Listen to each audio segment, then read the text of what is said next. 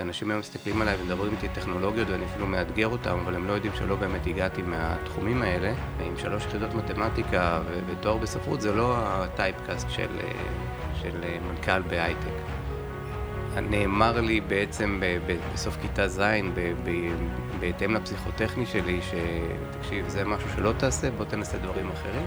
אבל תמיד היה בי את העניין הזה, הכוח המניע שאני אגיע בסוף להייטק. וזה לא עניין אותי. זאת אומרת, אמרתי, אני מכוון את עצמי לכיוונים האלה, והמסלול שעשיתי זה מסלול שלדעתי כל יזם יכול לעשות, כי הוא מסלול של התמדה, וכיוונתי את עצמי ליעד מסוים, ותודה לאל הגעתי אליו.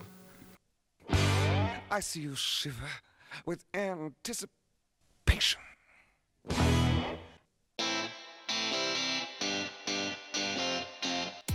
אתם מאזינים לפרק נוסף של Open for Business, הפודקאסט של מועדון היזמות של האוניברסיטה הפתוחה. אני מרום גולדשמיט, בוגר תואר ראשון בהנדסת תעשייה וניהול ותואר שני במנהל עסקים, שניהם באוניברסיטה הפתוחה. אני גם אחד המנהלים של מועדון היזמות בתוכנית למנהל עסקים של האוניברסיטה הפתוחה. האורח שלנו היום ב-Open for Business הוא אביחי מיכאלי. לאביחי למעלה מ-25 שנות פעילות במגוון חברות, כסמנכ"ל שיווק ומכירות וגם כמנכ"ל. היה מנכ"ל שכיר של חברה משנת 2006 ל-2012, וכשהחברה נמכרה, הוא התחיל לעסוק בעיקר בשלושה תחומים. אחד מהם הוא ליווי חברות מטעם המשקיעים שלהם בשלבים שונים של מחזור החיים שלהם. השני הוא ייצוא של חדשנות ישראלית ל-CVC, Corporate Venture Capitals, נדבר על זה בהמשך. ושלוש, עוזר לחברות לגייס הון באמצעות ביצוע בנקאות השקעות עבורם. אביחי, ברוך הבא לפודקאסט. שלום, תודה שאתם מארחים אותי כאן. אבל כולו שלנו. יש משהו שפספסתי באינטרו? אה, אני חושב שאני אכנס לזה, כי אני חושב שאני קצת אה, אה, לא הטייפקאסט הרגיל שהגיע לאן שהוא הגיע, והקטע של היזמות פה הוא מאוד בולט, אבל אנחנו ניכנס אליו עוד מעט. אין בעיה. בואו נכיר אותך עוד טיפה ונעשה את השאלון הקבוע שלנו בפודקאסט. ספר לי בבקשה על שני רגעים מהחודש האחרון אחד יותר חיובי, אחד יותר שלילי.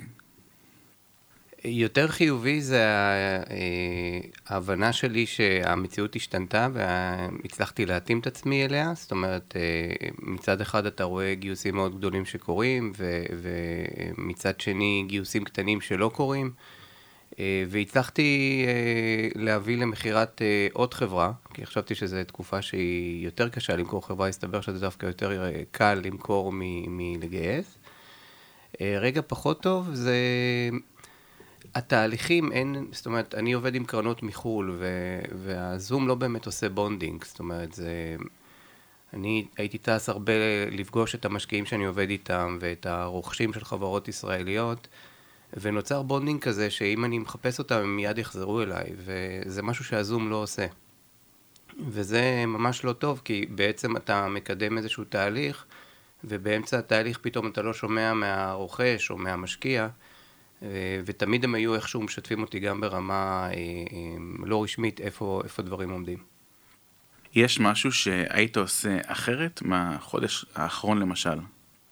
אני חושב שדווקא כרגע יש איזושהי התאוששות, אז אני מסתכל על מה הייתי עושה עד הקורונה, ודווקא אני חושב שעכשיו אני יכול לחדש את זה. זאת אומרת, אם עד עכשיו הייתה איזושהי פאוזה של בוא תעשה דברים אחרת, אז אה, אה, עכשיו זה דווקא קצת חוזר, ו, ובואו נחזור באמת ונראה יזמים שכבר היו מיואשים ולא ידעו לאן ללכת, במה ללכת, להראות להם באמת יותר את האור, כאילו פתאום דברים קורים, ו, ולהראות להם באמת את היכולת שלהם לפרוח עוד פעם. אז במסגרת ההיכרות שלנו, שלי איתך ושלך עם המאזינים, מה אנשים לא יודעים עליך והיית רוצה שידעו? אה, וואו. אז קודם כל, אני מגיע בכלל מרקע של, אה, רקע הומני, הייתי... אה, נאמר לי בעצם בסוף כיתה ז', בהתאם לפסיכוטכני שלי, שאני תמיד רציתי הייטק ורציתי מחשבים, אז היועצת אמרה לי, תקשיב, זה משהו שלא תעשה, בוא תנסה דברים אחרים.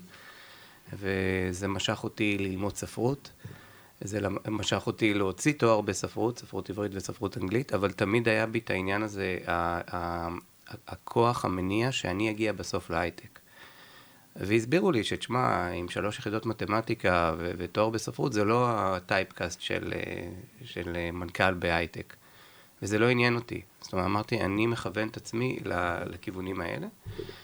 והדבר הזה שלא יודעים עליי זה באמת את העבר שלי, זאת אומרת, אנשים היום מסתכלים עליי ומדברים איתי טכנולוגיות ואני אפילו מאתגר אותם, אבל הם לא יודעים שלא באמת הגעתי מהתחומים האלה. והמסלול שעשיתי זה מסלול שלדעתי כל יזם יכול לעשות, כי הוא בעצם אה, מסלול של התמדה, וכיוונתי את עצמי ליעד מסוים, ו- ותודה לאל הגעתי אליו. כל הכבוד, זה רק מוכיח שאין דבר עומד בפני הרצון. לגמרי. יפה. תגיד אביחי, כמה זמן לוקח לך להתארגן בוקר? הייתי אומר אה, בין רבע שעה ל-20 דקות. יפה, קצר ולעניין. במשפט, ספר לי, מי זה אביחי מיכאלי?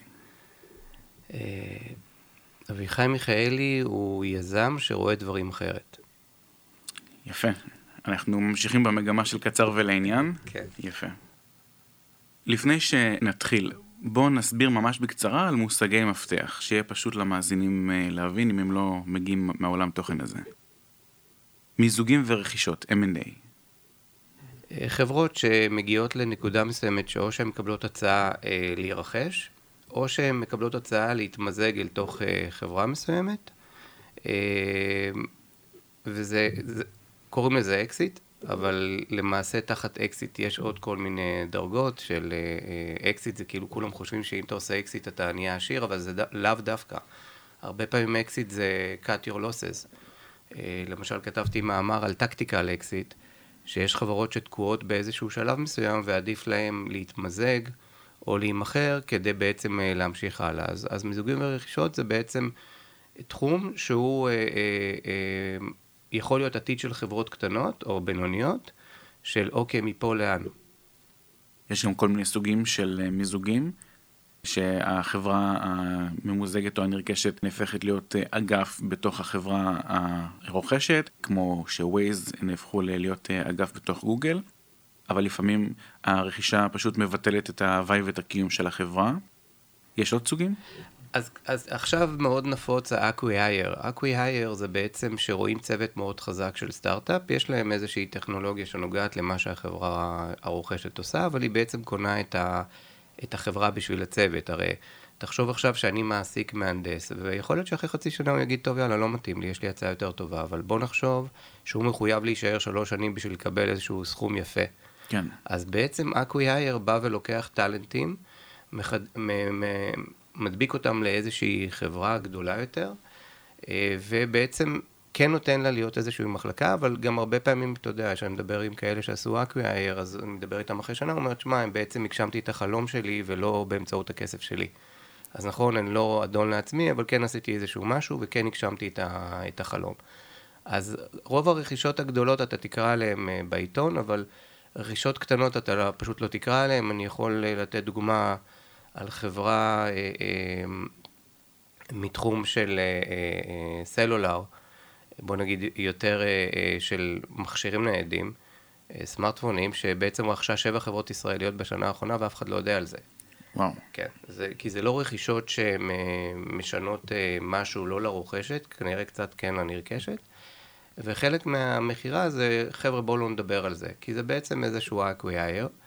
הם כן מאפשרים להגיד לסטארט-אפ, להגיד, אה, נרכשנו על ידי אה, ענק סיני, אה, והנה אנחנו עכשיו חלק מה, מהצוות שלו, אבל יש לא מעט acqui-hires עד כדי כך שכבר באפריל זיהיתי איזושהי מגמה וכתבתי מאמר שהאם ה-acqui-hire בעצם יחליף את הגיוסים של early stage. כי הרבה, הרבה חברות שלא הצליחו לגייס, אבל כן היה להם איזושהי הכנסה, כן רצו והלכו על ה-acqui-hire, ובאמת לא נהיו עשירים, אבל כן היה להם איזשהו אופק לפתרון שלהם. אוקיי, okay, מעניין. רק מילה לגבי acqui-hire, אני מניח שזה הלחם של acquire, אה, רכישה, ו-hire העסקה. אמת, יש לזה אפילו ויקיפדיה. אוקיי, okay, אז אני ארוץ ואבדוק את זה אחרי הפרק. ספר טיפה על בנקאות השקעות, investment banking, אני מבין שמיזוגים ורכישות זה חלק בלתי נפרד מזה לפעמים? כן, בעיקרון אה, יש, יש שבעצם באים ואומרים, רגע, אבל מה זה בעצם investment banking? זה תיווך.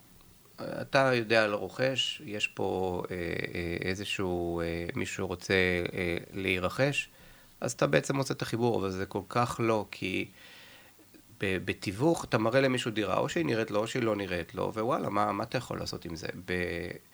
ב-M&A אתה צריך לגרום לדברים לקרות. זאת אומרת, הרבה פעמים אני מתאים את ה-M&A, אני מסתכל נגיד על חברה, החברה הרוכשת, נגיד איזשהו ענק מארצות הברית, ואני רואה בעצם מה ה-mission statement שלו, ונגיד שיש חברה כאן שיודעת בעצם להגשים את ה-mission statement. אז בעצם זה לא שבאמת החברה הנרכשת אה, פנתה לרוכשת או הכל, אלא אתה בעצם בונה משהו יש מאין, אתה בעצם עושה 1 פלוס 1 שווה 3. עכשיו, אם הרוכשת לא באמת רואה את זה, אז זה לא יקרה. ואז בעצם אתה, אתה מראה בעצם את האסטרטגיה, למה בעצם החברה הזאת צריכה להירכש על ידם, אה, ופה באמת הכל תלוי בך, זאת אומרת, הרבה פעמים אני נותן דוגמה ש-M&A זה מי שיש לו ילדים יודע, נגיד הילד שלך הולך כרגע באיזה גן משחקים על איזושהי מגלצ'ה, הוא עולה כרגע בסולם, אתה כזה צריך לשים לב שהוא לא נופל, אבל אתה בדיוק מקבל איזה וואטסאפ, ואופס, כמעט הוא מידרדר אחורה, ואופס, עוד פעם אתה צריך לשים את היד על הגב שהוא לא ייפול אחורה. וזה מאוד דומה ל-M&A, כי זה כל הזמן כמעט נופל. אה, גם כבר שיש חתימות והכול, תמיד יש דברים, כי זה הכל עניין של עיתוי, ואנשים שמקבלים את ההחלטות, מספיק שאחד ממקבלי ההחלטות השתנה.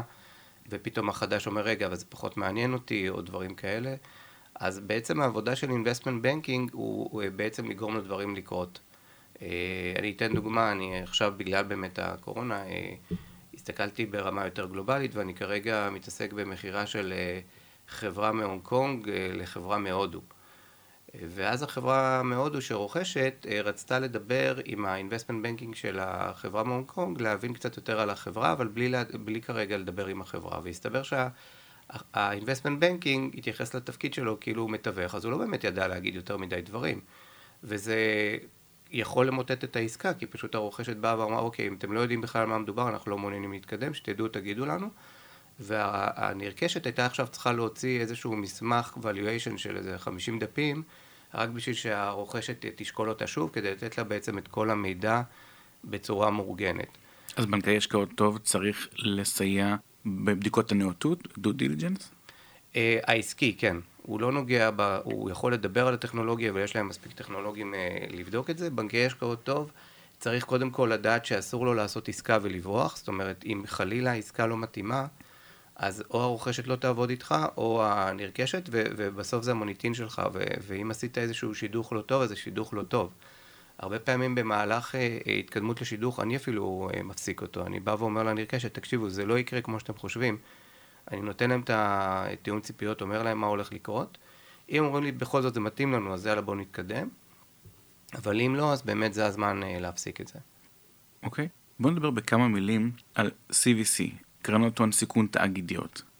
אוקיי, okay, אז כשאתה אה, רואה קורפורט אה, בעולם... קודם. כל אולי במילה מה זה קרן הון סיכון, ואז אחר כן. כך... אה... אז קרן הון סיכון זה בעצם קרן שמשקיעה, זאת אומרת, יזמים רואים את זה ככיוון ללכת אליו כדי לקבל הרבה כסף. קרן הון סיכון אף פעם לא נכנסת לפני אנג'לים, זאת אומרת, לא נכון להגיד אף פעם, בואו, בדיוק קראנו עכשיו על אסף רפופורט, שהגיוס הסיד שלו היה 100 מיליון דולר, אבל... בעיקרון יזמים רגילים צריכים לעבור איזושהי דרך של גיוס FFF, Friends Family and Fools, אחר כך לגייס מאנג'לים, שזה אנשים אה, עשירים או אנשים עמידים שרוצים להשקיע בעצם בחברות, ואחרי שזה קורה, שהם קיבלו איזושהי השקעה חיצונית, הם יכולים לגשת לקרנות הון סיכון.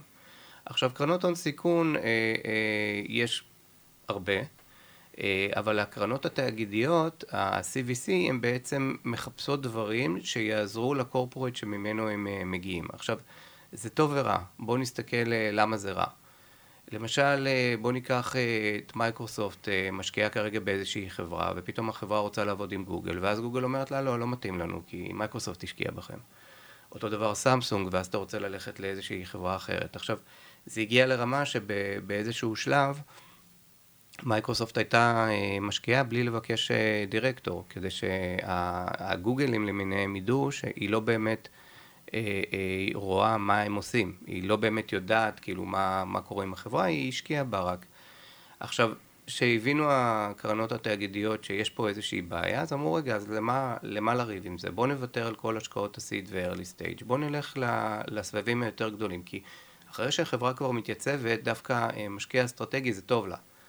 ואז הם באו ואמרו בואו תביא לנו חברות שיש להן הכנסה מהותית, שהיא כבר, הן חברות שעומדות בפנות עצמן, ואז בעצם אנחנו אה, ניכנס, ואתה יכול לראות את זה בסיילספורס שהשקיע, אה, אה, בדיוק היה לפני חצי שנה ויכוח אה, בפייסבוק בין אה, אינטל ישראל לסיילספורס בישראל, מי השקיע יותר בישראל. זאת אומרת, בשלבים היותר מתקדמים זה כבוד גדול לקבל כסף מקורפורייטס. אה, הקורפורייטס יכול למנף אותך.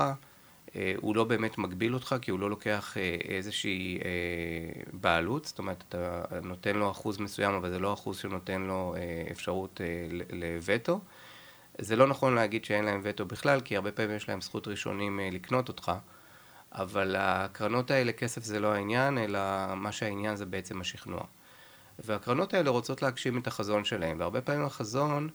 אה, אתה יכול להראות להם בעצם באקסל מאוד פשוט למה כדאי להם לקנות חברה שכבר אה, מקיימת להם את החזון מאשר בעצם ללכת ולפתח את זה לבד.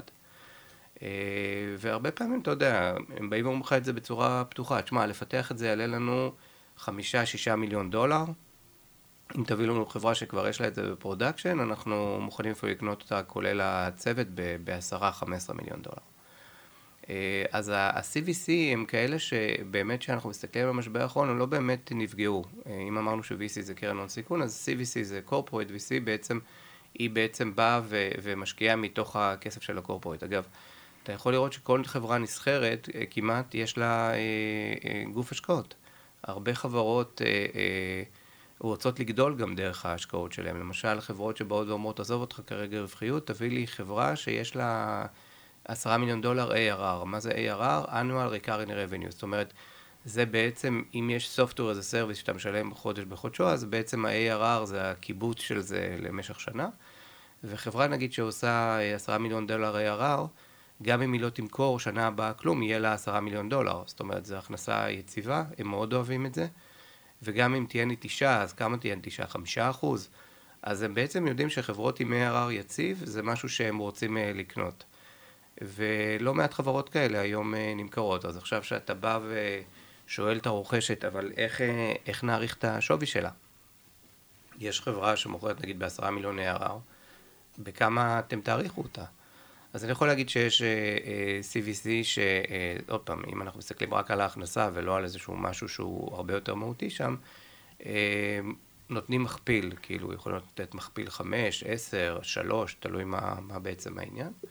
על ההכנסה של החברה, כי הם רוצים בעצם אה, אותה תחתם ולדווח הכנסות שיש להם כבר מתחום מסוים. אה, זהו, תחום, תחום מרתק, זאת אומרת, המצ'ינג פה הוא בעצם העניין. אני אשמח אם תוכל להרחיב במילה על העניין של המכפיל. כן, אה, אז ככה, לפני הקורונה המכפיל היה לרוב על רווחיות. באו והיום אומרים, יש לך חברה רווחית, בוא נגיד שיש לה אה, שני מיליון אה, דולר EBITDA, אנחנו נקנה אותה במכפיל אה, חמש, שבע, כאילו, נקנה אותה במכפיל מסוים על הרווחיות שלה, וזה מבחינת היזמים זה כאילו נחשבת עסקה טובה, כי בעצם עד היום לקחתם דיבידנד של שני מיליון דולר, עכשיו אנחנו נותנים לכם את כל הדיבידנד של השבע שנים הקרובות, הנה קחו אותו, לכו תעשו את מה שאתם רוצים, כמובן תלוו אותנו את התקופה. נותנים להם גם earnout, נגיד אם נתנו להם מכפיל, אה, בואו ניקח סתם, מכפיל 5 על 2, אה, אז הם אומרים להם, תקשיבו, תקשיבו מה נעשה, אנחנו שנה ראשונה נרכוש 51% לפי אותו מכפיל, אבל ניתן לכם בשנים הבאות, כל שנה נרכוש עוד 25% מהחברה לפי מכפיל, אם לקחנו 5, ניתן עכשיו אה, מכפיל 7. כאילו בואו תנסו אפילו שהחברה תרוויח יותר. זה, עכשיו, זה מהווה כמעין תמריץ. בדיוק, זה הארנאוט, זה בעצם... מה שבאים אליי היזמים ואומרים, אתה, יש לך אפשרות גם להרוויח יותר, אם אתה באמת תתאמץ. כי אם אתה חושב שהעסקה נגמרה בזה שהיא נחתמה, אתה טועה, היא רק התחילה. Mm-hmm. אנחנו רוצים שתוכיח לנו שהחברה בעצם היא בצמיחה והיא יכולה להמשיך ולצמוח. אז זה, זה דבר אחד של מכפיל. הדבר השני, שבאמת אה, בגלל הקורונה הרבה מאוד חברות, גם רווחיות, כבר לא כל כך רווחיות, אז באו ואמרו, אוקיי, בואו נעשה מכפיל על ההכנסה. והסתכלו על חברות שיש להן אה, הכנסה קבועה, כמו שאמרתי, ARR, אם זה הכנסה חד פעמית זה פחות מעניין, והמציאו מכפילים לזה. זאת אומרת, גם החברות המאוד מאוד גדולות וגם חברות uh, בינוניות, קורפורטס בינוני. אני יכול להגיד לך על עסקה כרגע ש, שאני uh, במהלכה, שחברה נסחרת בארצות הברית שהיא נסחרת בבורסה המשנית שם, שרואה שאין תזוזות במניה שלה, אה, באה ומתעניינת לרכוש חברה מהתחום שלה, אבל עם הרבה יותר חדשנות, אה, כי יש לה הכנסה יותר גבוהה משלה. זאת אומרת, אה, אותה חברה רוכשת, יש לה הכנסה X, אז אלה יש להם X וחצי, והם נוגעים בטכנולוגיה שבעצם החברה הרוכשת הייתה רוצה להגיע אליה. ואז הרכישה מעניינת, כי מצד אחד הרוכשת מציעה איזשהו מכפיל חמש על ההכנסה, מצד שני היא עצמה נסחרת במכפיל 21 על ההכנסה שלה. אז עולם המכפילים הוא בעצם, אה, זה הסיפור, זאת אומרת, אתה לא בא לחברה ומתחיל להמציא אה, את המחיר שאתה רוצה בעצם שהיא תימכר, אלא הם באים ואומרים לך, מכפיל על מה אתה עושה כרגע, מכפיל על רווחיות או מכפיל על הכנסה. אוקיי, okay, באמת נשמע כמו אה, עולם ומלואו. נכון. אולי אפילו יום אחד נעשה פרק על מכפילים. או, אז תצטרך להזמין גם אה, כאלה מ-CVC, ויש לי כמה להמליץ לך, שיסבירו את ההיגיון שלהם במכפילים. מעולה, נשמע טוב. עכשיו שעברנו על כל מושגי היסוד, בוא ניגש לעניינים. ספר לנו במילים שלך בעצם מה אתה עושה היום. אוקיי. Okay. אז אה, אה, יזמים זה, זה עם בעצם ש, ש... כמו סוס דוהר, זאת אומרת, הם הרבה פעמים, יש להם את המוטיבציה והכל, והם דוהרים לכיוונים מסוימים, אה, ש, שהם מרגישים שזה מה שנכון לעשות.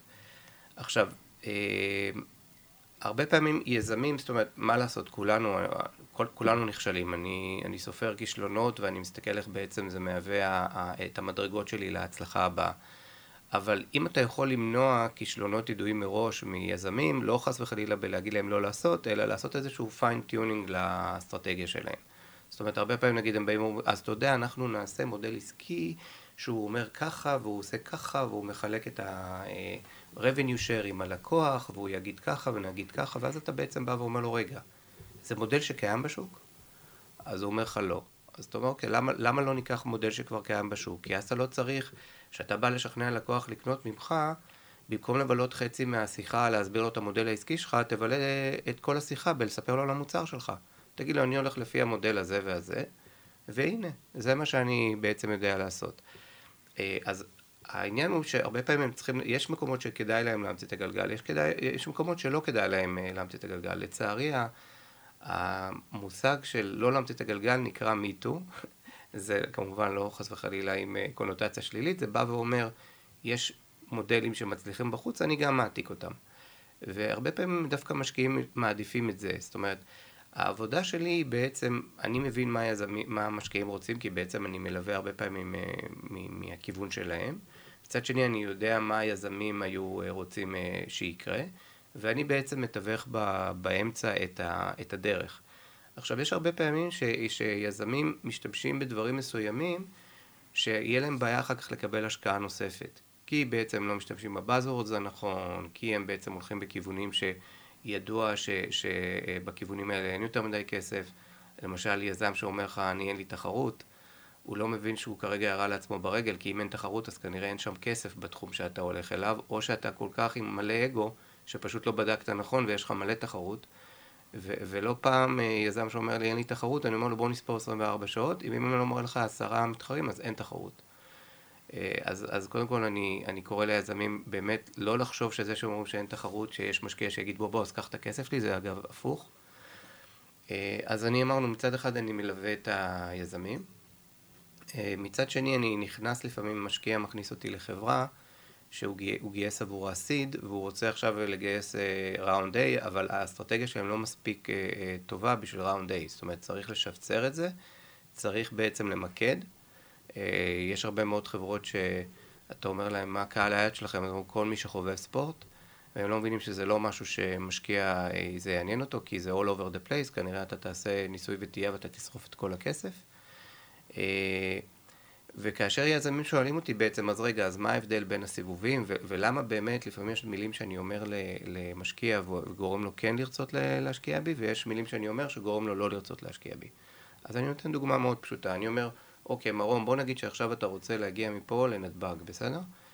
צא רגע החוצה ותבקש ממישהו כסף למונית. אוקיי. כנראה לא ייתנו לך. כי מה זאת אומרת, מה אתה קבצן? ת, תעשי כסף, תצא למונית, תיקח אה, כסף ותיסע עם המונית. אבל אם תבוא ותספר, תגיד למישהו, תשמע, אני רוצה לספר לך משהו, תסתכל, יש לי פה כרטיס, אה, אני טס בחללית מפורט לודרדייל לירח, תסתכל, אתה רואה? כתוב פה התאריך של אה, עוד שבוע. אני צריך ממך כסף כדי להגיע לנתב"ג, בנתב"ג אני לוקח בעצם אה, טיסה לפורט לודרדייל, ומשם אני טס לירח. אז בעצם המונית זה הסיד, המטוס זה ראונד A, החללית זה ראונד B. עכשיו, זה שנתן לך את הכסף למונית, שתוכל להגיע לשדה התעופה כדי לטוס, כדי לטוס אחר כך בחללית מפורט לוברדייל, הוא בעצם נתן לך כסף להגיע לירח, הוא לא נתן לך כסף לנתב"ג. זה מאוד חשוב לזכור, כי הרבה פעמים יזמים חושבים שאם הסיפור שלהם הוא טוב, אז יתנו להם כסף למונית. זה לא מעניין המונית, מעניין הירח. וככל שאתה מכוון יותר גבוה, והוא מבין שזה, אגב, כל מה שאני הסברתי כרגע זה, זה מיילסטון, הנה תראה, בשעה כזו וכזו אני כבר אוכל לעלות על המטוס, וביום כזה ובשעה כזו אני כבר אוכל לעלות על החללית. זאת אומרת, הוא רוצה לראות את כל הדרך. כי אחרת, אם אתה בא ואומר לו, תשמע, יש לי איזשהו עסק רווחי, בוא תשקיע בי, אז הוא אומר, לך לבנק, תראה לו את האקסלים שאתה רווחי, איזה בנק אה, לא ייתן לך כסף. אז כשבאים אה, למשקיעים, הרבה פעמים המשקיעים שמשקיעים בסטארט-אפים אומרים, תשמע, תסביר להם. זאת אומרת, השקענו בהם כי ראינו את הניצוץ שם, אבל תסביר להם שזה לא, לא יביא להם כסף גדול. אז אני בעצם בליווי שלי מכוון את היזמים להבין יותר את העולם של ההשקעות ולהבין מה גורם בעצם למשקיע להשקיע ולא, אה, זאת אומרת, למה הוא באמת, הוא זכאי לכסף של משקיע ולא לכסף של בנק. ולכן גם אה, אומנות ה-storytelling היא משהו שהוא נכון. בלתי נפרד מהתהליך. הרגע עשיתי storytelling כן. על המונית, בדיוק, בלי זה זה לא, זה לא יכול לעבוד, זאת אומרת, הם, אה, בסוף, המצחיק ש, שמשקיע, אני מדבר עם אה, עשרות משקיעים אה, כל שבוע, כשמשקיע זוכר סטארט-אפ הוא זוכר בגלל הסיפור, הוא אומר, אתה שומע, הבחור הזה היה במלחמת צוק איתן, הוא היה חובש, ואז הוא היה צריך כל פעם אה, להגיד אחורה מה, מה, אה, מה המצב של החייל שכרגע הוא מטפל בו. ואז הוא שאל את עצמו, רגע, אבל אם היה איזשהו שעון שהייתי יכול לשים לחייל, ומאחור אה, הרפואה בעצם היו רואים מה קורה ושולחים לי את הדברים שאני צריך להזריק או כאלה, זה היה פותר לי לפחות איזה עשר דקות להסביר בכלל מה המצב שכרגע נמצא מולי. ואז באמת זה יזם שבאמת הלך והמציא איזשהו אה, צמיד שגם יודע אה, למדוד לחץ דם, קיבל אישור FDA, היום כבר חברה מאוד גדולה, אבל המשקיעים תמיד זכרו, אמרו, תגיד, איך קוראים לבחור הזה עם הצוק איתן, ש... זאת אומרת, הם זוכרים באמת את הסיפור, לאו דווקא תמיד את, ה... את הפתרון או את, את היזם אפילו. אז אה, לא בכדי בתוכניות אה, ריאליטי כמו מאסטר שף ואחרות, מתמקדים אה, גם בסיפורים, או לפחות זה מה שזוכרים, גם בלי קשר לפורמט עצמו. אז זהו, אתה, אתה פוגש עדיין יזמים שבטוחים שההחלטות של המשקיעים זה 90% היגיון, 10% רגש, הם לא מבינים שזה הפוך. וככל שאתה מצליח אה, לצייר את עצמך שונה, או בעצם אה, הדבר ש, ש, שהם יזכרו אחרי הפגישה, תחשוב, אם, אם מישהו עכשיו נפגש עם חמישה סטארט-אפים והוא זוכר יזם בגלל איזשהו סיפור, זה כנראה אה, מקדם אותו כבר לפגישה הבאה. זה בעצם מה שהוא יוצא משם. אז storytelling שמייצר רגש ולמעשה גם מדגיש את הבידול. אז זה מה שחשוב אתה אומר? חד משמעית. אני, וזה דיברנו על זה בשיחה מקדימה, אני למשל, שהמוטו שלי זה, זה ש... זאת אומרת, במשרד שלי יש מפה של העולם הפוך. ואז אה, באים יזמים ואני אומר להם, מה זה? אומרים לי, העולם הפוך. אני אומר, למה הפוך? אה, מי אמר שהצפון חייב להיות אה, למעלה? מה, בגלל שהלוויין הראשון שצילם את כדור הארץ צילם את זה למעלה? הרי זה אותו עולם, פשוט אני מסתכל עליו בדרך אחרת. עכשיו, בגלל שאני מסתכל עליו בדרך אחרת, אז אם תהיה משימה, אני כנראה אה, אה, אקדים את מי שלא מבין ש, שזה אותו עולם, רק שההסתכלות עליו היא כביכול הפוכה. ואז אם אני אגיד, אוקיי, המשימה שלי ושלך היא כרגע למצוא את ברלין. ו- ואני כבר יודע איפה תהיה ברלין, כי העולם פה הוא בעצם הפוך, אירופה לא באמת תהיה בצפון. לוקח לו את הכמה אה, שניות אה, להתאפס, אבל אז בעצם כשהוא מוצא את ברלין כבר המשימה היא איפה מומבאי. זאת אומרת, ברגע שיזם יודע להביא ראייה שהיא שונה, אה, אז הוא בעצם מצטייר כמשהו שהוא אחר. זאת אומרת, הוא לא עוד אחד, אלא הוא בעצם מבדל את עצמו. ואני מביא את הראייה הזאת גם לדרך שאותם סטארט-אפים שאני מלווה יצטרכו לעשות. ומי שחושב מהמאזינים שהוא יצירתי, ויש לו רוח יזמות, אז יש לו, יש לו עתיד מאוד ורוד. כי בסוף יצירתיות זה שם המשחק. יפה. אוקיי, אז אה, תודה רבה אביחי. אה, למדנו היום על אה, מה זה מיזוגים ורכישות, בנקאות השקעות, קרנות הון סיכון בכלל וקרנות הון סיכון תאגידיות, והבנו גם מה אתה עושה היום, מאוד מאוד מעניין, השאיר טעם של עוד. בפרק הבא איתך נדבר על מעבר לשוק העסקי והתבלטות במסגרת השוק בו אנחנו פועלים, ועל ליווי של יזמים לעומת ליווי של משקיעים, ועוד כל מיני דברים מעניינים. שווה להקשיב, ותודה רבה לך. תודה שאירחתם אותי, היה לי כיף. נשמח לשמוע מה חשבתם על הפרק. מה אהבתם יותר, מה פחות, יש פינות שתרצו להוסיף לפרקים הבאים? מרואיינים מעניינים שהייתם רוצים לשמוע את הסיפור שלהם? אנחנו מחכים לכם בקבוצת הפייסבוק שלנו, מועדון היזמות של האוניברסיטה הפתוחה, הקבוצה. לינק לקבוצה נמצא בתיאור הפרק. אתם האזנתם לפרק נוסף של Open for Business. הפרק הוקלט באולפני האוניברסיטה הפתוחה בכפר הירוק. על הסאונד, אורי דגני. תודה, ונשתמע בפרק הבא.